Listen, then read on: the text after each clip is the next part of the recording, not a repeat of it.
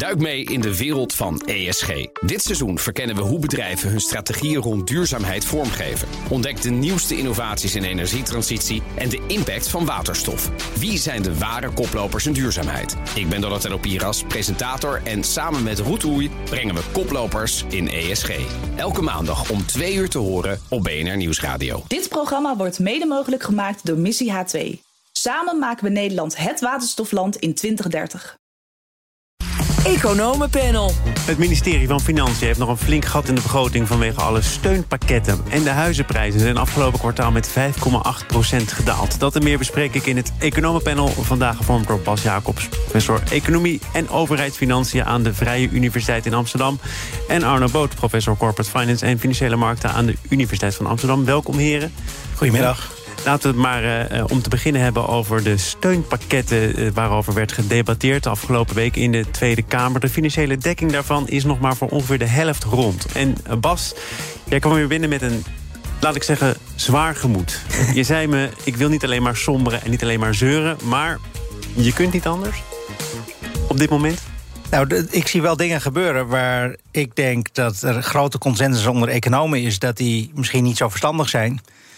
Uh, en je ziet, het is blijkbaar een soort, soort wetmatigheid. Als alle economen het over een ding eens zijn, dan gaat de politiek diametraal de tegenovergestelde richting op. En en dat vind ik problematisch. Ik, ik, ik ben maatschappelijk betrokken wetenschapper. Ik wil heel graag dat de politiek het goede doet voor de samenleving.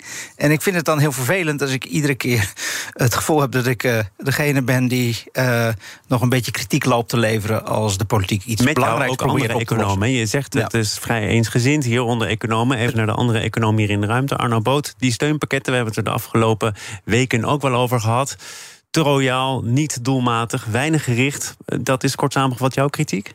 Ja, en, en waar Bas terecht de nadruk op legt... Uh, er zijn altijd afwegingen die je moet maken.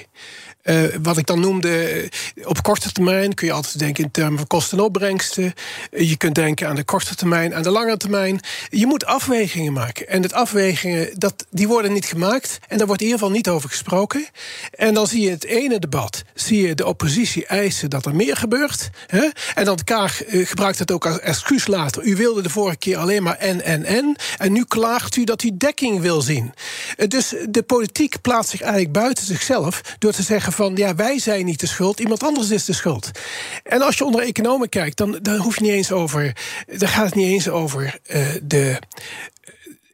De technocratie, daar gaat het helemaal niet over. Het gaat gewoon over hoe je fatsoenlijk overheidsbeleid voert. En we realiseren ons toch allemaal dat als je zonder, zonder analyse gigantische hoeveelheden geld uitdeelt, dat dat consequenties heeft. Dat het uiteindelijk betekent dat je mogelijk iets anders niet kunt, of dat je de verantwoordelijkheid aan het nemen bent voor iets wat je niet moet doen. In mijn optiek, die, die pakketten, die plafonds, die gaan over een veel te grote energiehoeveelheid, waardoor de, het belang om energie te besparen onvoldoende is, afgezien van alle begrotingsimplicaties. Pieter Hazekamp van het Centraal Planbureau schreef uh, afgelopen weekend in het FD dat uh, dit kabinet de overheid leidt aan long-covid. Uh, long-covid begrotingsbeleid. Wat zijn, Bas, denk jij, de voornaamste symptomen van dat? Ik, ik, wil het niet over deze metafoor hebben. Ik vind dat uh, misplaatst naar de mensen die het long-covid hebben. Maar ik vind ook dat uh, het begrotingsbeleid is iets waar je wel iets aan kan doen. En long-covid niet. Dus uh, de metafoor is buitengewoon slecht gekozen. Uh, daarnaast ben ik het wel met hem eens dat het begrotingsbeleid en het proces volkomen ontregeld is geraakt. We hebben nu allerlei besluitvormingsmomenten gehad. We hadden de voorjaarsnota. Toen hadden we het 17 miljard pakket naar de uh, miljoenennota. Toen hadden we nog eens een keer de energieplafonds. Er is nog een pakket in de maak voor het bedrijfsleven dat energieintensief is. Voor de begroting van volgend jaar is je zou kunnen zeggen, heel veel geld gecommitteerd. Niks is duidelijk. Er moet een begroting nu in de Kamer besproken worden. Er is een open eindregeling afgekondigd. Ik denk dat Pieter Hazekamp gelijk heeft dat, dat er op dit moment een vrij chaotische toestand dreigt. Als het gaat om gewoon het besturen, het ordelijk begroten. Uh, en daar maak ik me net als hij grote zorgen over. Maar wat er gebeurt is, wat, wat Arnold ook schetst... de oppositie, onder andere GroenLinks, Partij van de Arbeid... hebben om het hardst geroepen om dat prijsplafond. Nu is het er en zeggen ze, waar is dan de dekking? Onder andere de SP heeft gezegd, ja, maar als dat betekent... dat wij wel een prijsplafond kunnen instellen... maar er moet bezuinigd worden op de zorg... dan moeten wij nog maar eens even kijken of wij dat steunen. Hoe kom je hier dan op een ordentelijke manier weer uit? Maar je kan dus niet alleen maar vragen. uh, en, en ik heb het idee dat het allemaal politiek begrepen moet worden. Geen enkele politieke partij, dat zagen we al bij de vorming van Rutte 4, wilde consequenties dragen van pijnlijke ingrepen. Dat de consequenties van keuzes die je maakt.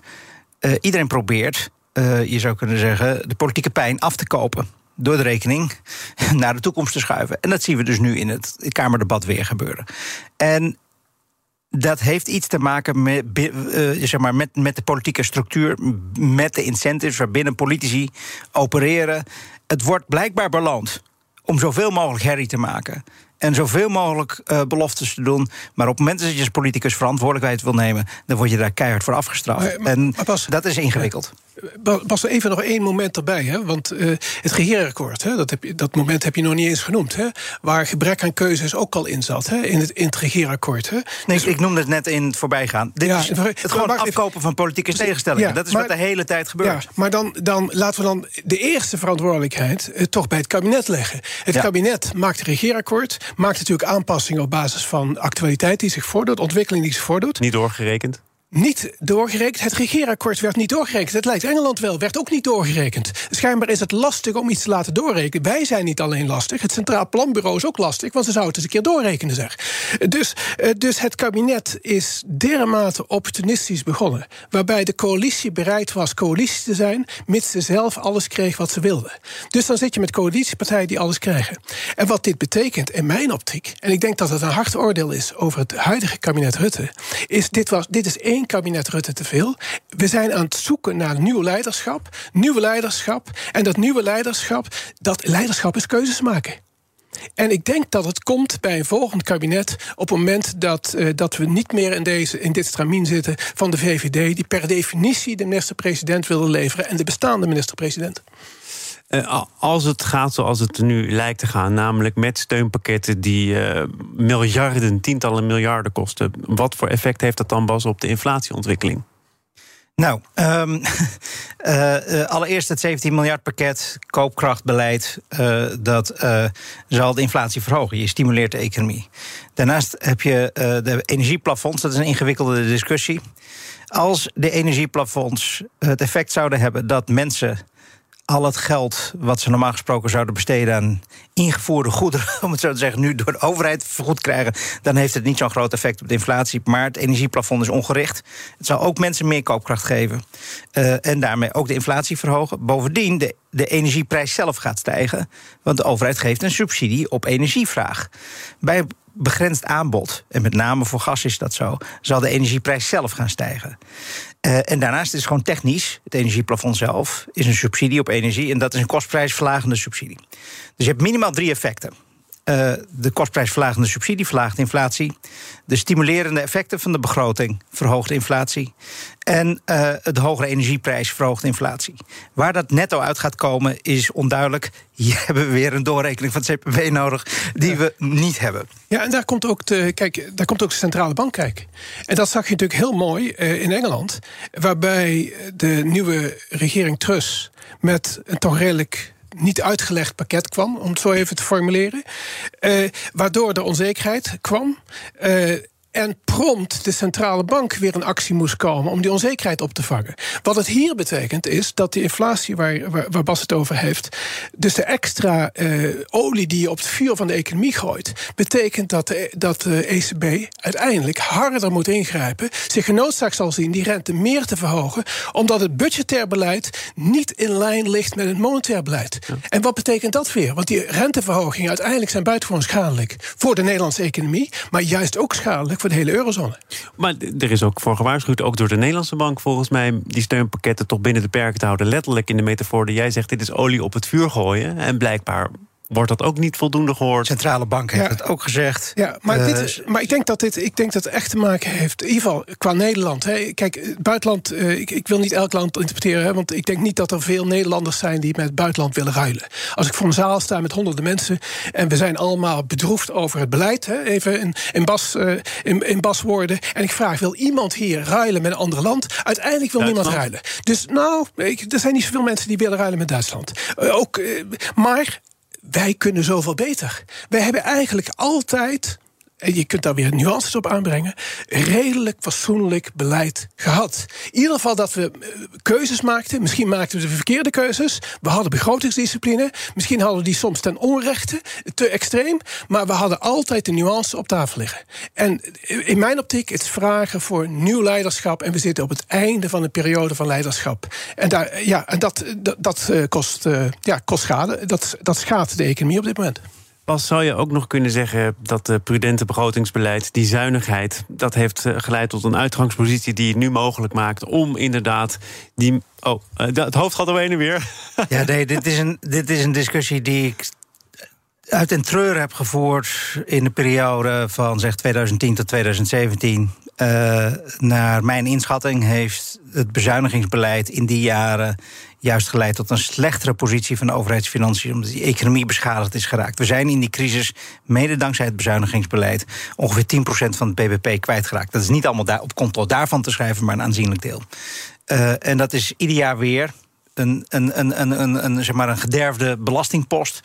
Uh, uh, ik heb wel eens zitten berekenen. Als we al die bezuinigingen niet hadden doorgevoerd, waren we in drie jaar tijd op hetzelfde niveau geweest. Omdat die economie harder was blijven groeien. Dat terzijde. De de, de, het punt wat ook Arnoud maakt. In die vorige crisis zaten we ook met het begrotingsbeleid. Uh, je zou kunnen zeggen de centrale bank in de wielen te rijden. De centrale bank had de rentes op nul, kon weinig meer uitrichten. De economie moest toen ondersteund worden vanuit het begrotingsbeleid. We hebben toen alles uit de kast gehad monetair. Dat uh, heeft uh, nauwelijks, naar mijn opvatting, effecten gehad. Wel mogelijke ontregelingen van het financiële stelsel. Omdat we vastzaten in een fixatie van begrotingsdiscipline. En nu zien we een omgekeerd patroon. nu denken we in een, in een economie met aanbodproblemen. Toen hadden we een vraagprobleem. In een economie met aanbodproblemen dat geld geen rol speelt. Dat begrotingsdiscipline geen waarde heeft. En nu moet de centrale bank weer de omgekeerde beweging maken. eigenlijk de de, uh, de, de, de begrotingsimpulsen gaan proberen te niet te doen met renteverhogingen. En het vervelende is, hierdoor kunnen we ook volgend jaar in een recessie belanden. Mocht het begrotingsbeleid te expansief uitpakken, dan zal de centrale bank zich genoodzaakt voelen om hard die rente aan te halen. En, en dat is vervelend. En ook op het. Uh, er is nog een manier waarop we niet coördineren, en dat is op het energiedossier. Want al die landen zijn nu bezig met het invoeren van energieplafonds of steun voor energieprijzen. Maar voor Europa als geheel geldt nog meer dan een individueel land. Het aanbod van energie is op korte termijn behoorlijk begrensd. Dus omdat we dat energiebeleid niet coördineren, jagen we met elkaar nog harder de energieprijzen op. Voor zover we dat niet garanderen. En daarmee organiseren we een mega inkomensoverdracht via hogere energieprijzen naar de olieproducenten en de gasproducenten van de wereld, inclusief Poetin. En ook dit is niet goed doordacht. Kijk, Thomas, ik dacht, eh, eh, ik dacht jouw vraag. Hè, ik ben, ben het eens met eh, wat Bas naar voren bracht. Maar jouw vraag was, jouw vraag was ook nadrukkelijk. wij als Nederland staan er misschien redelijk goed voor. Kijk naar onze overschotten die we hebben, onze relatief grote buitenlandse beleggingen die we hebben, et cetera. Lage staatsschuld. En zeker als je nog al de claims op de pensioenfondsen ziet, hè, over, uitgestelde belastingheffing. En jouw standpunt dan is van, of jouw vraag is. Ik wij, neem geen standpunt. Wij kunnen, nee, standpunt, jouw vraag is: kunnen wij ons dan niet veroorloven om meer uit te gaan geven? En wat hier gebeurt is dan, dan ga je het persoonlijke ga je eigenlijk vermengen met het macro. Macro, dus de economie als geheel. Op het moment dat er veel geld is, moet je juist geweldig uitkijken hoe je het geld gebruikt. Want dat jaagt inflatie aan. In het verleden, toen we het gas uitvonden, eh, vonden in, in het, het heugelijke nieuws toen nog in Groningen, hebben we de Dutch disease gecreëerd. Zijn we veel gaan uitgeven, hebben we ons niet concurrerend gemaakt.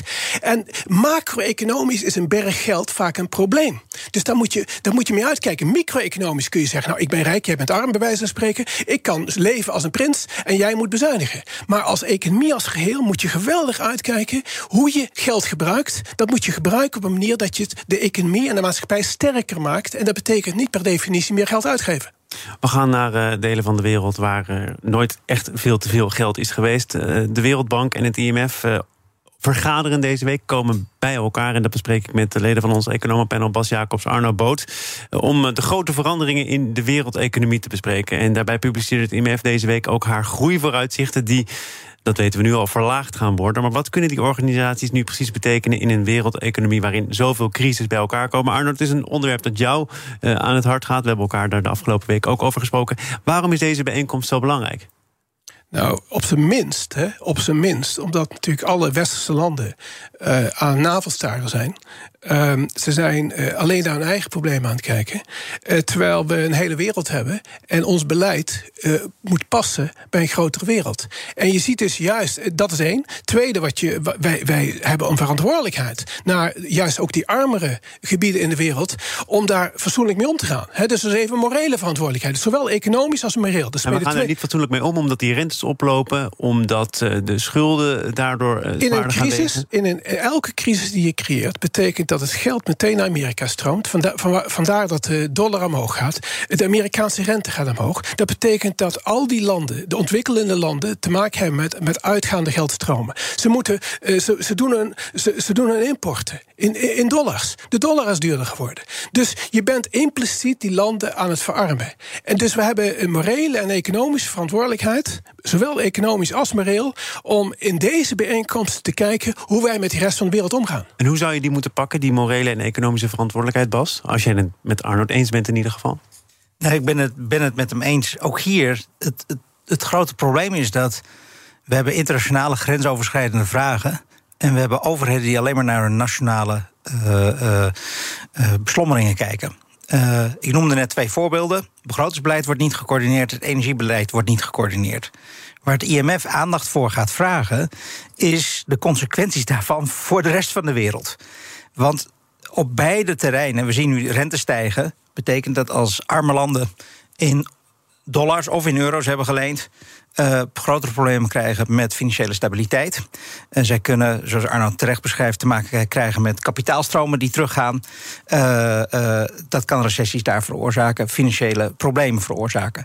Maar ook op energiegebied zijn we weer de boel niet internationaal aan het coördineren. Wij zijn nu, je zou kunnen zeggen, de, olie- en gasvoorraad van de wereld aan het opkopen.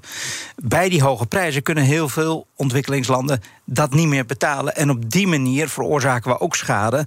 Want de productie in de rest van de wereld wordt enorm ontregeld. Op het moment dat zij niks meer kunnen produceren tegen de kosten uh, die wij wel kunnen betalen en zij niet. Hoe waarschijnlijk is het overigens dat het daar ook weer zal gaan over kwijtschelding van sommige schulden? Uh, want dat kom ik in allerlei voorbeschouwingen toch wel tegen. Ja, ja, Los je dan het probleem de, echt? Uh, ja, waar, waar, je over moet nadenken is nu uh, bijvoorbeeld looptijdverlenging of een tijdelijke stop op rentebetalingen, dat soort dingen. Om te voorkomen dat landen uh, die nu met IMF-leningen te maken hebben of Wereldbank-operaties uh, in de problemen gaan komen. En, dat, uh, en, en, en ja, daar zou je over moeten praten nu. Kijk, maar, maar ook even acuut, hè? Het is niet alleen die olie die duurder wordt. Het zijn allerlei grondstoffen. Graan, hè, Oekraïne is de graan, uh, graanschuur van de wereld. Er zijn landen die letterlijk in de problemen komen. Letterlijk, acuut in de problemen komen. Dus aan de ene kant is het een kwestie, wat Bas al noemt... van dat je alle, uh, alle schulden, dat je die in ieder geval accommodeert. Hè? Uh, wat uh, in ieder geval zorgt dat dat geen bottleneck op dit moment is. Maar tegelijkertijd zul je echt moeten denken hoe die landen zich door kunnen ontwikkelen. Hoe die voldoende voedsel krijgen om te eten. Hoe die landen niet in diepe crisis raken. Want dan heb je het over een geopolitiek vraagstuk. Dan, dan, dan ben je de wereld weer in stukken aan het verdelen. Gaan ze rugdekking misschien zoeken in China of zelfs uh, Rusland, wie die weet. Hebben ze natuurlijk al, die hebben ze voor een deel al daar gevonden. Sterker ja. nog, ik geloof dat er bij de Wereldbank grote zorgen zijn over überhaupt inzichtelijk krijgen hoe groot de schulden zijn. Omdat er vanuit de Chinese zijde weinig over bekend wordt gemaakt. En ook niet vanuit de landen die geleend hebben. Ja, maar wat het dus betekent, wat het dus betekent is, je zult die landen echt moeten helpen. En op een goede manier moeten helpen. Dat, ze, dat, ze, dat je hun zelfredzaamheid versterkt. Hè? We hebben het niet over passief alleen maar dingen er naartoe gooien. Die zelfredzaamheid versterken. En juist in deze periodes waar we denken zelf zo'n grote problemen te hebben. Eh, terwijl, uh, kijk, kijk, kijk Kijk op straat, kijk op alle terrassen. Ja, maar Arno, toch nog heel even volgens mij in, in de kern. Hè? En als ik het verkeerd zie, dan laat ik me graag corrigeren. Maar al, veel centrale banken in Amerika en Europa zijn bezig met het verhogen van die rente om de inflatie te beteugelen. Nou, dat lijkt vanuit hun eigen positie tamelijk logisch te verklaren. Maar de consequentie is dan dat dat pijn doet in de landengebieden waar we het nu over hebben. Ja, hoe, hoe maak je daar dan een goede afweging in? Nou, in ieder geval, je hebt bepaalde instrumenten. De Wereldbank heeft instrumenten. Ook directe financiële instrumenten om landen te helpen letterlijk te helpen, financieel te helpen. Dus te zorgen dat, dat economische activiteit in die landen niet stilvalt. Juist investeringen in wezen te doen. Uh, Bas had het er straks even over het energievraagstuk in het kader, uh, in het kader van, van de derde wereld. Daar speelt ook, de Parijsagenda heeft bijvoorbeeld grote bedragen die het Westen zou bijdragen aan opkomende landen om om te kunnen gaan met het energievraagstuk. Die investeringen die moet je eerder versterken dan afzwakken. En nu gebeurt op dit moment eigenlijk het tegenovergestelde en vandaar dat het zo goed is dat die mensen bij elkaar komen. Want dan staat in ieder geval dat probleem weer op de agenda. Jullie stonden het afgelopen half uur gelukkig ook op de agenda. Het is voorbij gevlogen. En de huizenmarkt hebben we nog laten passeren ook, zeg. Bas Jacobs, hoogleraar Economie en Overheidsfinanciën aan de Vrije Universiteit, die staat in Amsterdam. En Arno Boot, ook hoogleraar Corporate Finance en Financiële Markten... verbonden aan die andere universiteit al hier, de Universiteit van Amsterdam. Dank voor jullie bijdrage. Graag gedaan. Zometeen is het tijd voor onze dagelijkse Oekraïne-update... met Bernard Hammelburg, buitenlandcommentator. Blijf Duik mee in de wereld van ESG.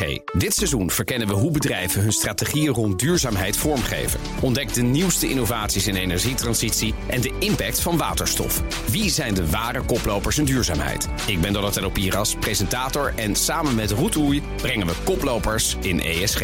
Elke maandag om twee uur te horen op BNR Nieuwsradio. Dit programma wordt mede mogelijk gemaakt door Missie H2. Samen maken we Nederland het waterstofland in 2030.